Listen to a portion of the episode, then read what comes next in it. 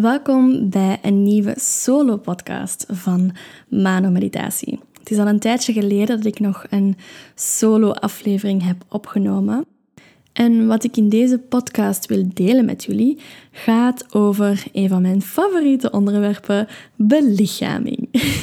en ik deel hier in deze podcast meer over waarom dat belichaming zo een belangrijk topic geworden is voor mij. Hoe dat ik bij dans en zang ben terechtgekomen en op welke manier dat voornamelijk die intuïtieve dans mij heeft geholpen om connectie te kunnen maken terug met levensenergie, met de kracht in mijn buik, met vrolijkheid en dat het ook mijn connectie gebracht heeft met het goddelijke en terug met mezelf.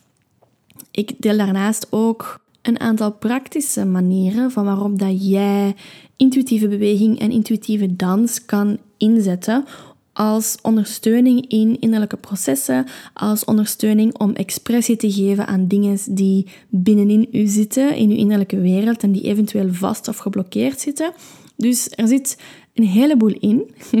Het gaat vooral over persoonlijke inzichten, mijn persoonlijk verhaal. En hopelijk vormt dat op die manier ook een bron van inzichten voor jou en een bron van tools waarmee jij ook kan gaan spelen op je eigen proces van, van bewustwording en van spirituele groei. Ik wil als eerste graag iets delen over de naam van deze podcast-series. Want het gaat een, een serie worden. Ik ga nog even kijken hoe lang dat het net gaat duren en hoeveel podcasts dat het gaat zijn. Ik denk drie, maar kan dus echt wel meer zijn, afhankelijk van wat dat ik voel.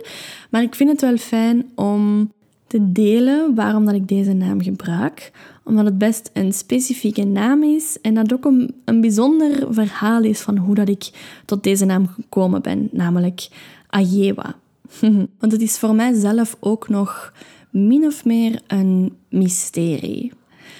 Ik heb namelijk op het einde van mijn verblijf in Portugal heb ik voor het eerst een body de-armoring sessie gekregen.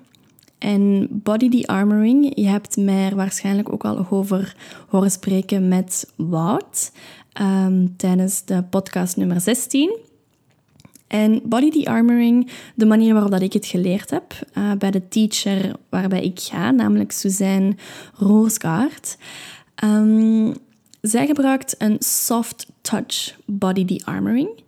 En het werkt namelijk zo dat, het zit namelijk zo, dat het lichaam omwille van bepaald trauma, groot of klein, dat het lichaam een armor, dus een, een schild om zich heen gaat, gaat bouwen, zeg maar. En het is door liefdevolle aanraking, door op bepaalde acupressuurpunten, op bepaalde energiemeridianen, op bepaalde gevoelige plekken van het lichaam, dat je dat armor gaat uitnodigen om weg te smelten, als het ware. En in die body de-armoring wordt ook ademhalingstechnieken gebruikt en ook geluid. Dus er wordt bijvoorbeeld um, muziek gespeeld tijdens, die, tijdens de body de-armoring, maar er wordt ook gebruik gemaakt van klanken, uh, van de chakra-klanken, meer bepaald. En het is tijdens die body de-armoring sessie dat ik gekregen heb van een hele bijzondere uh, vrouw, Ilona heet zij, dat ik op een gegeven moment zodanig open stond. Dat mijn lichaam op een gegeven moment zodanig open was omwille van de veiligheid en de liefde dat ik kon voelen, dat er opeens dat woord Ajewa doorkwam. En het grappige is dat ik al een tijdje aan het, aan het vragen was naar wat dat het volgende project zou zijn en welke naam dat dat zou hebben. Omdat ik heel graag met mijn projecten werk ik heel graag met namen die, die iets raken. Mijn ander traject van de ontvangende vrouw, dat in 2022 terug zal opstarten, dat is ook die naam op zich heeft een ziel, die heeft een bepaalde resonantie. En ik vind dat heel belangrijk dat wanneer ik iets creëer en iets baar, als het ware, dat die naam daarvan ook echt resoneert met de energie van wat ik aan het creëren ben. En wanneer ik dus gevraagd had voor een nieuw project, was die Ajewa hetgeen wat opkwam. En ik was al wat aan het spelen met Hebreeuwse namen eventueel, um, of met shamanistische namen. Um, en ja, verschillende dingen kwamen op, maar het voelde niet helemaal juist. En tijdens die body die armoring sessie kwam dus opeens dat woord Ajewa op. En tot op de dag van vandaag weet ik eigenlijk niet wat dat, dat woord betekent. Ik heb het al opgezocht, maar het heeft eigenlijk geen betekenis. En toen ik het had opgezocht, ben ik op iets terechtgekomen, ben ik op een artiest terechtgekomen.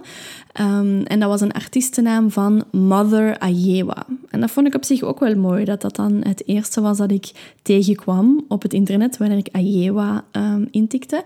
Maar ik dacht, ja, misschien is het um, een Afrikaans woord, of is het een, een Hebreeuws woord, of een Shamaans woord. Ik dacht ik zal het toch wel al ergens gehoord hebben um, dat het in mijn onderbewuste was opgeslagen en dat het toen tijdens zo'n open moment van de body the armoring, dat dat dan opeens naar boven kon komen.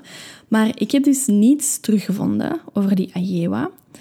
En ik vind het op zich wel een hele vlotte naam, zeg maar. Um, het voelt goed wanneer ik het zeg. Het heeft ook zo'n beetje de klanken van, uh, van Yahweh. Uh, wat ik ook wel fijn vind, want dat is natuurlijk God, het goddelijke. En het heeft ook de chakra-klanken, de A op het einde. En de A is de klank van de hartchakra. En de manier waarop het geschreven is, heb je in het begin A, Y, E. En dat is eigenlijk de klank van als ik me niet vergis, ja, van het derde oog. Dus dat is eigenlijk als je zegt e, dat is de klank van het, uh, van het derde oog. De reden dat ik de Ayewa-series ga doen, is omdat het een inleiding is, een verlenging ook, van een traject dat in november gaat starten. En dat heet de Ayewa-cirkel. En ik zou graag heel even willen uitleggen over hoe dat, dat traject eruit gaat zien, zodanig dat je ook snapt wat ik hier in deze podcast graag wil delen en waarom dat dit inderdaad een, een inleiding is, maar ook al een bron van wijsheid dat in deze podcast vervat zal zitten.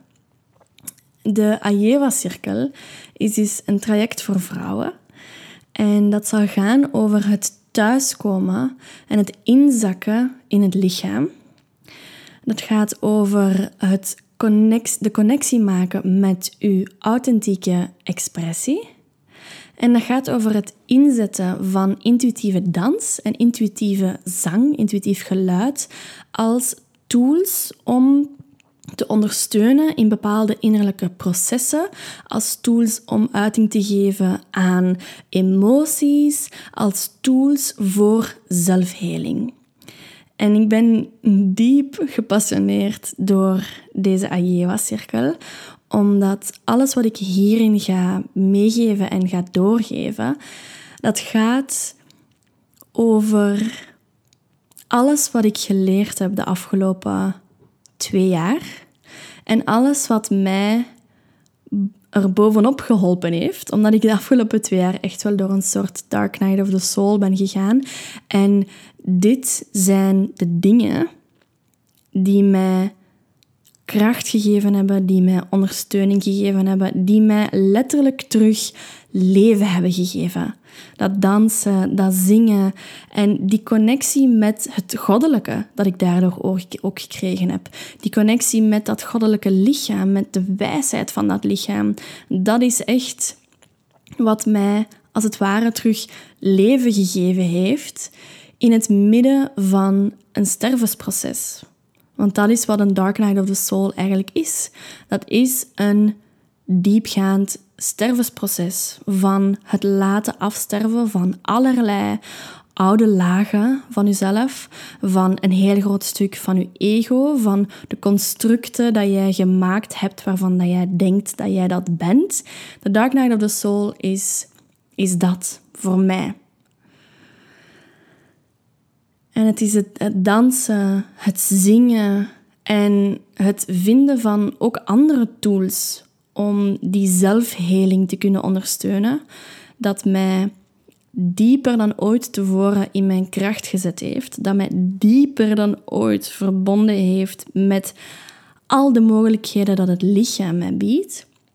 En dat mij dieper dan ooit tevoren in connectie met het goddelijke gebracht heeft. Dus ja, vandaar dat dit, dit traject, uh, die Ajewa-cirkel, die gaat heel diep voor mij. Nu, waar ik graag over wil spreken tijdens deze podcast, is het concept van belichaming. Ik heb daar al eens heel wat over gedeeld in de podcast van de kracht van belichaming op het pad van bewustzijn. En ik wil daar hier in deze podcast verder op ingaan. Want ik merk dat ik graag wil delen wat dat voor mij die belichaming net inhoudt en op welke manier dat dat allemaal kan gebeuren. Simpelweg omdat ik echt iedereen die dit luistert wil uitnodigen om die embodiment, dus de, de belichaming, om dat echt een grote plaats te gaan geven op dat pad van bewustzijn. Ik heb zelf namelijk heel lang, ik ben al bezig met, met spiritualiteit en zelfbewustzijn van toen ik 16 was.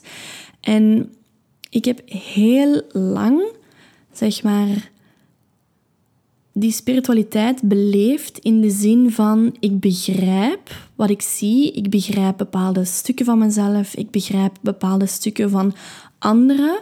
Ik heb een bepaald soort nieuw perspectief en een nieuw begrip van deze wereld, hoe dat dynamieken tussen mensen in elkaar zitten hoe dat angsten werken, hoe dat onzekerheden werken, hoe dat patronen werken. Dus alles ging over dat begrijpen.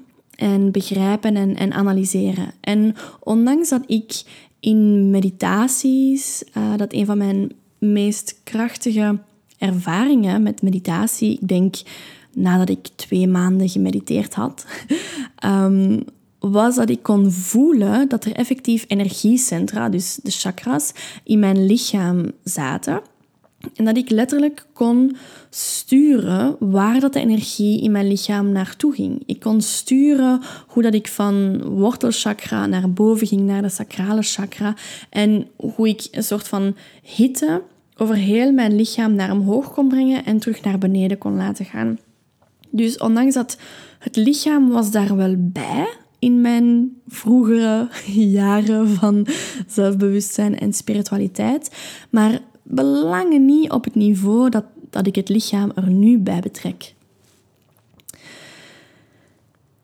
En de reden dat ik nu zo diep ben kunnen thuiskomen in het lichaam, is omdat ik er zo ver van ben weg geweest. Ik ben, er, ik ben op een gegeven moment gewoon helemaal uit mijn lichaam gegaan, zeg maar. En ik denk dat ik toen ook op het randje zat van een, van een psychose eigenlijk. Ik begon hele vreemde gedachten te hebben. Ik begon me af te vragen van wat dat echt was, wat niet. Dus ik denk dat het net niet een psychose was, maar dat het echt wel op het randje was. En dat is ook gekomen omdat er bepaald trauma aanwezig was, dat er bepaald trauma geopend was in mijn leven op dat moment. En dat ik eigenlijk aan het vluchten was naar boven. Dat ik aan het vluchten was naar een andere wereld. Dat ik aan het vluchten was in het concept van ik ben licht, dus waarom zou ik kiezen om hier mens te zijn en hier al deze angst en al dit lijden te gaan voelen? En ik heb toen gelukkig hulp gehad van een rouwtherapeute en shamane die mij al geholpen heeft sinds het overlijden van, uh, van mama. En zij is Gilles Vernelen. En haar praktijk heet Novam Vitam, dus nieuw leven. En zij doet echt ongelooflijk mooi werk. Um, en zij heeft mij toen een enorme krachtige sessie gegeven om terug in mijn lichaam te kunnen inzakken. Dat was een hele, hele bijzondere sessie, omdat ik letterlijk kon voelen wat dat zij me had uitgelegd in die sessie.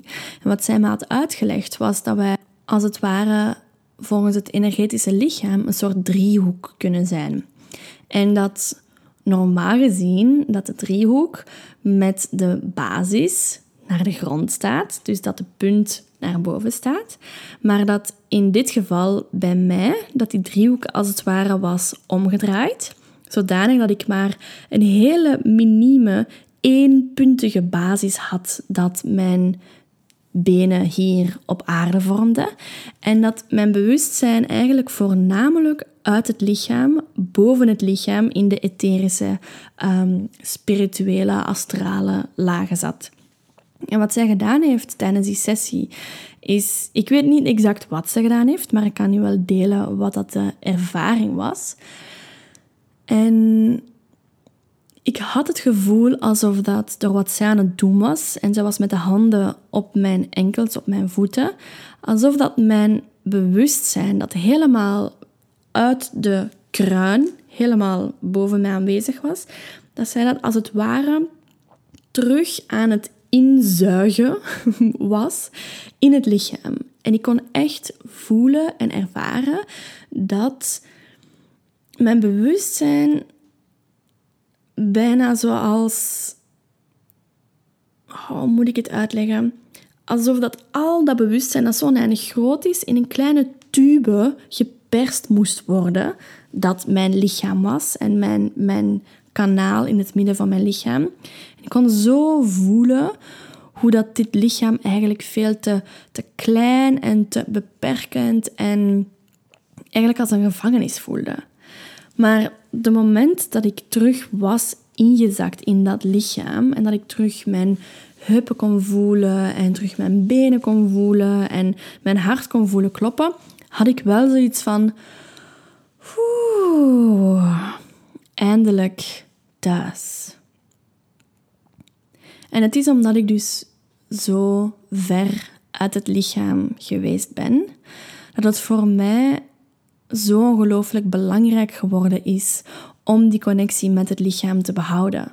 Want ik had alle, alle respect voor mijn lichaam, was ik, was ik kwijt. Ik had zoiets van, dit lichaam kan niets, dat is gewoon maar een pak. En ik, ik heb hier helemaal niets aan dat ik, hier, dat ik hierin kan zitten. En omdat ik daar niet in wou zitten, zorgde dat er ook voor dat ik ergens niet meer wou leven. En dat ik dit leven het eigenlijk niet, niet waard vond om hier te zijn. Dus ik heb toen een toewijding naar mezelf toegemaakt. Um, een toewijding naar mijn lichaam, naar het leven, naar mezelf als Mano Celine. En dat was een hele grote keuze, maar een heel belangrijke keuze.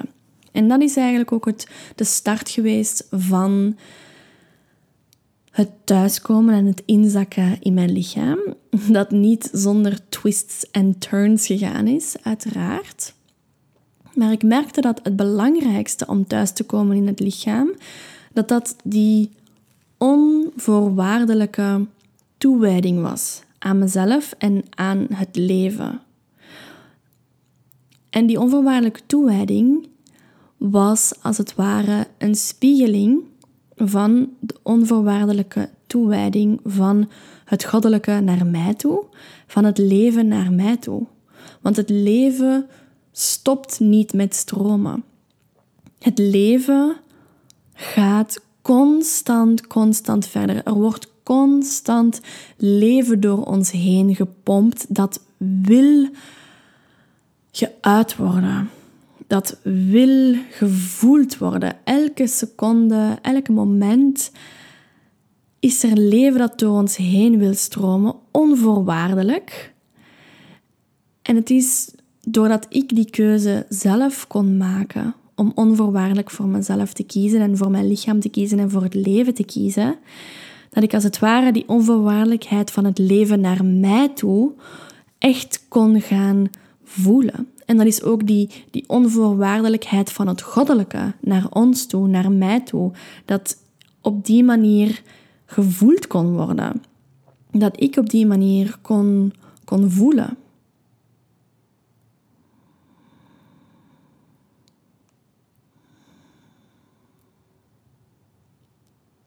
En hoe dat ik dan bij, bij dans en zingen terecht ben gekomen, dat is eigenlijk iets dat ik onlangs gerealiseerd heb dat ik als kind constant aan het zingen en aan het dansen was. Ik was altijd bezig met nieuwe choreografieën te maken op de nieuwste liedjes van K3 of de M-Kids of welke hit dat er toen ook uh, bestond in kinderland, zeg maar.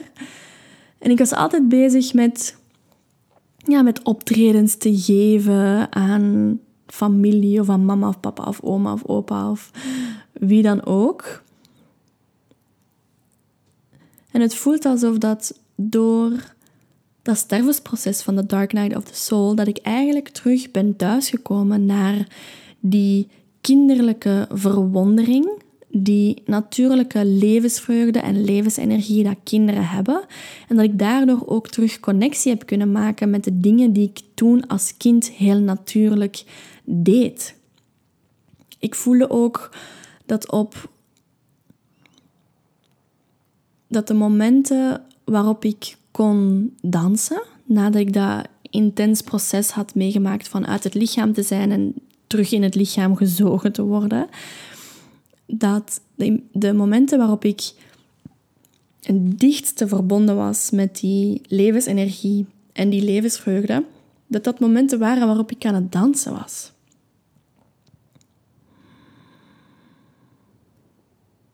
Dat waren de momenten waarop ik die vreugde kon voelen, die onbezorgdheid. En dat ik automatisch begon te lachen en te spelen met mijn lichaam. En dat mijn zorgen wegvielen, dat mijn spanning wegviel. En dat ik kon voelen van, dit leven is het waard om te leven.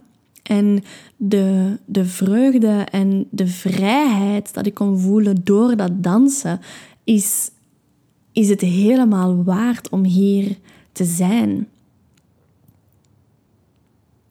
Ik herinner me ook dat een van de eerste momenten dat ik die goddelijke liefde door mij heen kon voelen stromen, dat dat een moment was waarop ik aan het dansen was. En ik kon in dat, in dat moment voelde ik mijn hart zo openen. En het was alsof ik bijna geen keuze had. Of dat ik dit wou openen of niet, dit hart. Dat, ging, dat, dat was gewoon zo open omdat ik koos om mezelf open te stellen en mezelf over te geven via de dans. Via het bewegen van het lichaam.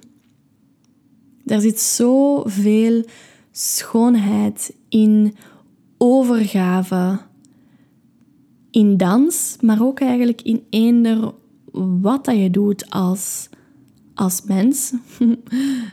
eender wat dat je doet als vorm van zelfexpressie.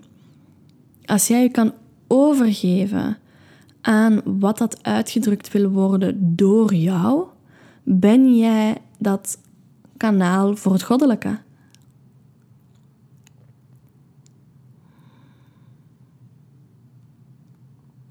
Wat ik ook wel wil meegeven en wat ik heel duidelijk wil maken hier in deze podcast, is dat het thuiskomen in het lichaam betekent dat je ook echt wel bereid moet zijn om bepaalde dingen aan te kijken die in je lichaam vastzitten. Ons lichaam onthoudt trauma. Trauma zit letterlijk in het lichaam. Dat zet zich vast op bepaalde spieren, bepaalde energiebanen. Dat zet zich vast op bepaalde, de werking van bepaalde organen. Dat zet zich vast op eender wat. Maar dat zit in het lichaam. En wanneer dat jij kiest om te gaan inzakken in het lichaam en om te gaan thuiskomen in het lichaam, omdat daar zoveel wijsheid in zit, dan moet je ook bereid zijn om te gaan kijken naar het trauma dat je tegen gaat komen. Want dat inzakken vraagt toewijding en vraagt inspanning en vraagt determinatie om in te zakken. En dat is ook net het mooie aan de manier waarop dat die intuïtieve dans naar mij toe is gekomen. Omdat wanneer ik die klik gemaakt had en wanneer ik kon zien van oh, oké, ik ben inderdaad aan het thuiskomen in het lichaam, ik ben aan het inzakken in het lichaam en dat betekent dat ik heel wat weerstand ga tegenkomen in mijn eigen systeem omdat er heel wat verdedigingsmechanismes gaan beginnen wakker worden, die mij willen behoeden van naar dat trauma naartoe te gaan. En die verdedigingsmechanismes zijn heel mooi, want die verdedigingsmechanismes zijn de dingen die u op het moment dat je dat trauma ervaren hebt, groot of klein, zijn die verdedigingsmechanismes de dingen die u soms letterlijk in leven hebben gehouden als kind. Of als jongeren of jongvolwassenen of als volwassenen. Dus die verdedigingsmechanismes zijn onze vrienden, niet onze vijanden. Maar het is gewoon omdat het een. Die verdedigingsmechanismes zitten vast op het tijdstip van toen dat, trauma gebeurd was. Die hebben geen besef van hoe dat tijd werkt, omdat die verdedigingsmechanismes in het stukje van de hersenen zitten waar dat uh, tijd en ruimte niet bestaat. Dus voor die verdedigingsmechanismes is dat trauma nog steeds nu aan het gebeuren. En de moment dat ik kon, kon zien van oh, oké, de dingen die ik nu aan het ervaren zijn, dat zijn verdedigingsmechanismes die aan het opkomen zijn, omdat ik naar het trauma naartoe wil gaan, omdat ik kies om in te zakken in het lichaam. en op die momenten was dat niet zo duidelijk als de manier waarop ik dat nu kan uitleggen. Jammer genoeg. Maar daarom dat ik ook deze wijsheid nu graag wil delen met jullie. Maar omdat ik wel een bepaald bewustzijn had over processen die zich aan het openen waren voor mij, kon ik ook net gebruik maken van die intuïtieve dans en van die intuïtieve klanken en dat intuïtief geluid maken. Het was alsof dat, dat dansen niet enkel meer diende voor die levensvreugde te kunnen voelen, maar dat dat dansen en die beweging van het lichaam ook letterlijk voor mij zoveel heling brachten, omdat dat ervoor zorgde dat ik ruimte kon geven aan die verdedigingsmechanismes en dat ik kon gaan dansen met de trauma's die zich openden. Als je ermee kan gaan dansen, als je ermee kan gaan zitten, dan wordt dat iets minder eng dan wanneer dat je daar mentaal over gaat zitten nadenken en dat mentaal gaat proberen te begrijpen. Want heel veel van de van de trauma's dat we hebben en van de verdedigingsmechanismes dat we hebben, daar zitten gedachtepatronen in en overtuigingen in die wij met onze volwassen mind ten eerste er niet meteen bij kunnen, maar ten tweede dat onze volwassen mind zoiets heeft van ja, maar dit, dit is de gedachte van een kind. Ja, ik verander het gewoon, ik verander mijn gedachtepatroon en ik denk gewoon ja, ik moet dat toch wel kunnen. Maar het is niet omdat je met je hoofd daar een bepaalde analyse over kan maken en bepaalde dingen kan begrijpen, dat uw lichaam daarmee akkoord gaat.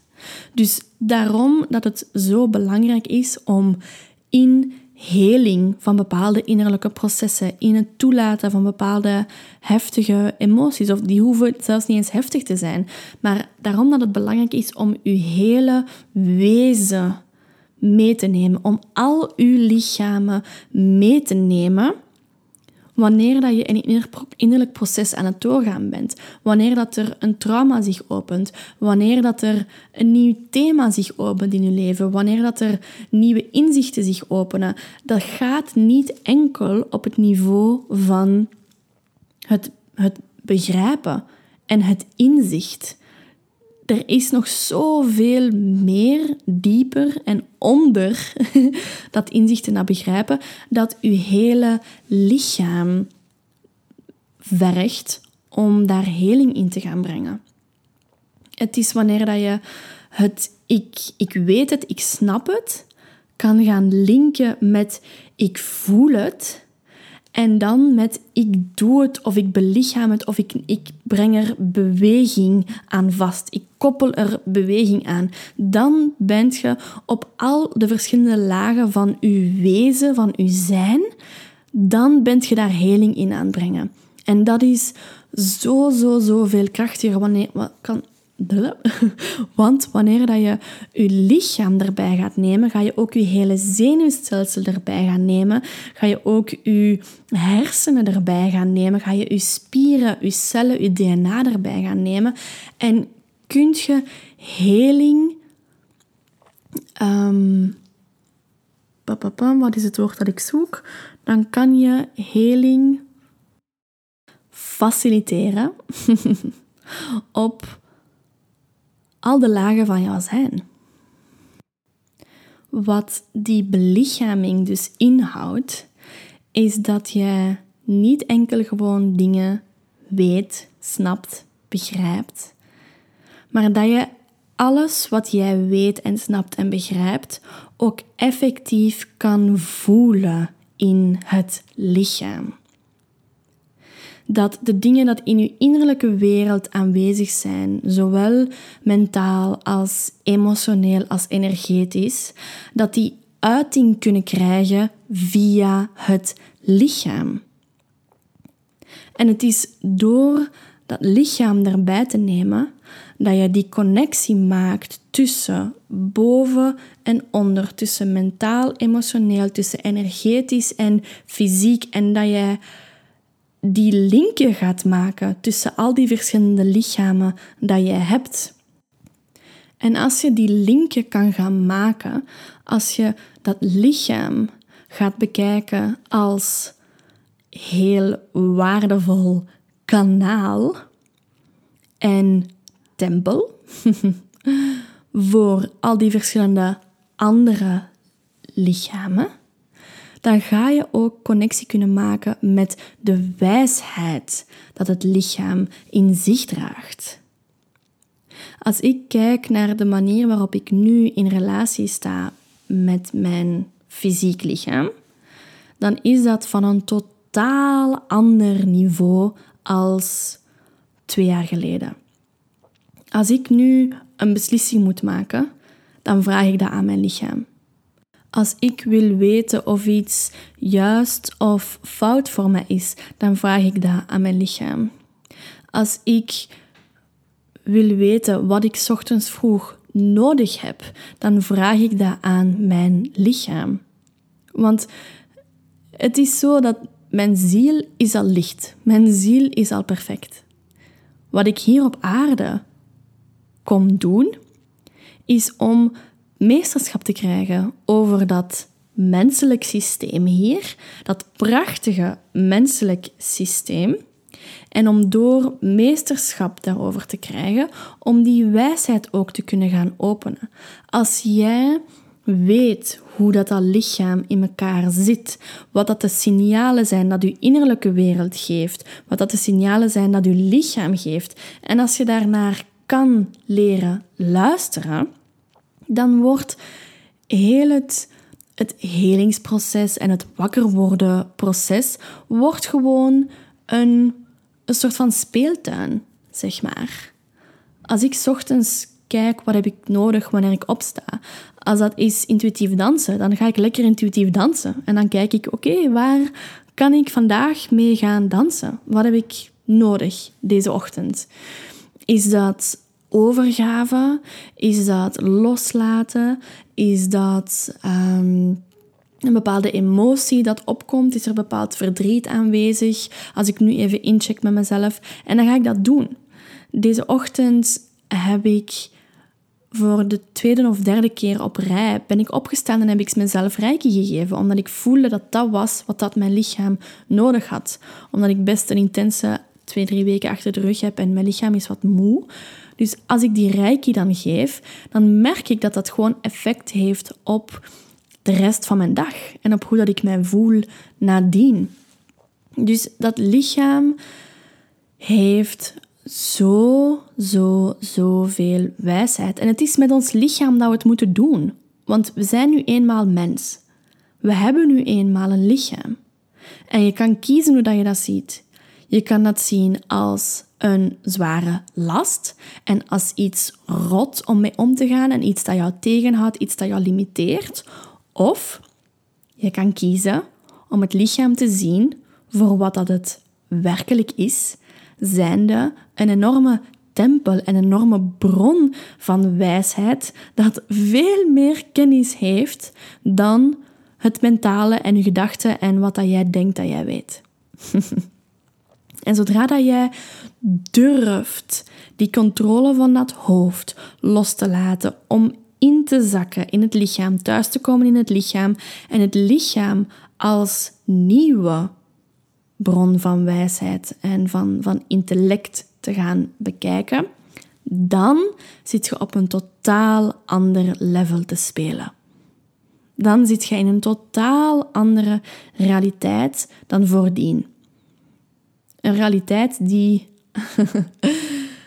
die veel meer vreugde en vrijheid en geluk gaat brengen dan dat je ooit zou kunnen voelen vanuit de controlekamer in het hoofd. Dus waar ik jullie graag voor zou willen uitnodigen, wanneer je dit luistert, is dat je simpelweg eens gaat proberen om dat lichaam heel bewust erbij te gaan nemen. En dat kan onder andere door vragen te stellen aan het lichaam en te kijken hoe dat je lichaam reageert wanneer dat je die vraag stelt. Je kan bijvoorbeeld twee situaties inbeelden en kijken op welke van die twee situaties reageert mijn lichaam. En het lichaam kan reageren door heel veel verschillende dingen. Dat kan reageren door kippenvel, dat kan reageren door een bepaalde sensatie in een bepaald lichaamsdeel, dat kan reageren door neutraal te zijn, kan reageren door een emotie op te brengen, door een gedachte op te brengen. Letterlijk alles wat dat in je innerlijke wereld is, is constante communicatie van uw menselijke lichaam naar uw bewustzijn, zeg maar. Dus je kan vragen stellen aan het lichaam. Je kan ook gaan, gaan dansen of gaan bewegen met bepaalde dingen. Je kan gaan bewegen met een emotie. Je kan gaan bewegen met een vraag dat je hebt. Je kan gaan bewegen met een bepaald inzicht. Je kan gaan bewegen met een bepaald concept, zoals bijvoorbeeld het goddelijke of overgave. En gewoon eens gaan kijken van wat gebeurt er als ik ga bewegen met dat woord of die emotie of die vraag of dat concept in mijn bewustzijn. Wat gaat er dan gebeuren met hoe dat mijn lichaam gaat bewegen? En dit is eigenlijk, dan ga je werken met een intentie, zeg maar. Maar de intentie kan ook gewoon zijn verbinden met het lichaam. En de intentie kan ook gewoon zijn, ik ga eens met mijn lichaam aanwezig zijn en gewoon kijken hoe wilt mijn lichaam bewegen. Dus dat je zeg maar een half uurtje de tijd neemt, of langer of korter, en dat je gewoon eens gaat inchecken met dat lichaam en gewoon eens gaat voelen hoe wilt mijn lichaam bewegen. En dat je dat toestaat dat je dat kan volgen. Want het lichaam weet exact, exact, exact wat dat het nodig heeft. Het is een kwestie van toelaten dat het lichaam kan en mag doen wat het nodig heeft, zonder dat je hoofd daarbij is om daarover te gaan oordelen of om dat te gaan sturen. Dus ik zou zeggen, zet je hoofd aan de kant en laat je lichaam even leiden. Met korte ei. en kijk dan wat dat er opkomt. Zo, hm. dat was alles wat ik voor vandaag graag wil delen met jullie. Als je het voelt kriebelen om de Ajewa-cirkel mee te doen, die start zaterdag 6 november en de sessies gaan door in Diepenbeek, uh, dus dicht bij Hasselt in België. En je kan meer informatie vinden over de cirkel op mijn website. Je kan ook meer informatie van mij krijgen als je mij simpelweg een berichtje stuurt op Facebook of een mail stuurt naar manon.manomeditatie.be. En dan heb ik een verkennend intakegesprek met de vrouwen die graag willen meedoen. Simpelweg omdat je dan vragen kan stellen, omdat je dan echt beter kan gaan invoelen van is deze cirkel echt wat ik nodig heb op dit moment? Uh, resoneert dit echt met heel mijn lichaam? En als dat zo is, dan kan je uiteraard inschrijven en kijk ik er super hard naar uit om jou te mogen verwelkomen. Maar dus alle verdere informatie is beschikbaar op de website of gewoon door in contact te komen met mij. Dus dan wens ik jou nog een hele fijne dag, een hele fijne avond, een super prachtige week en een heel erg verbonden maand.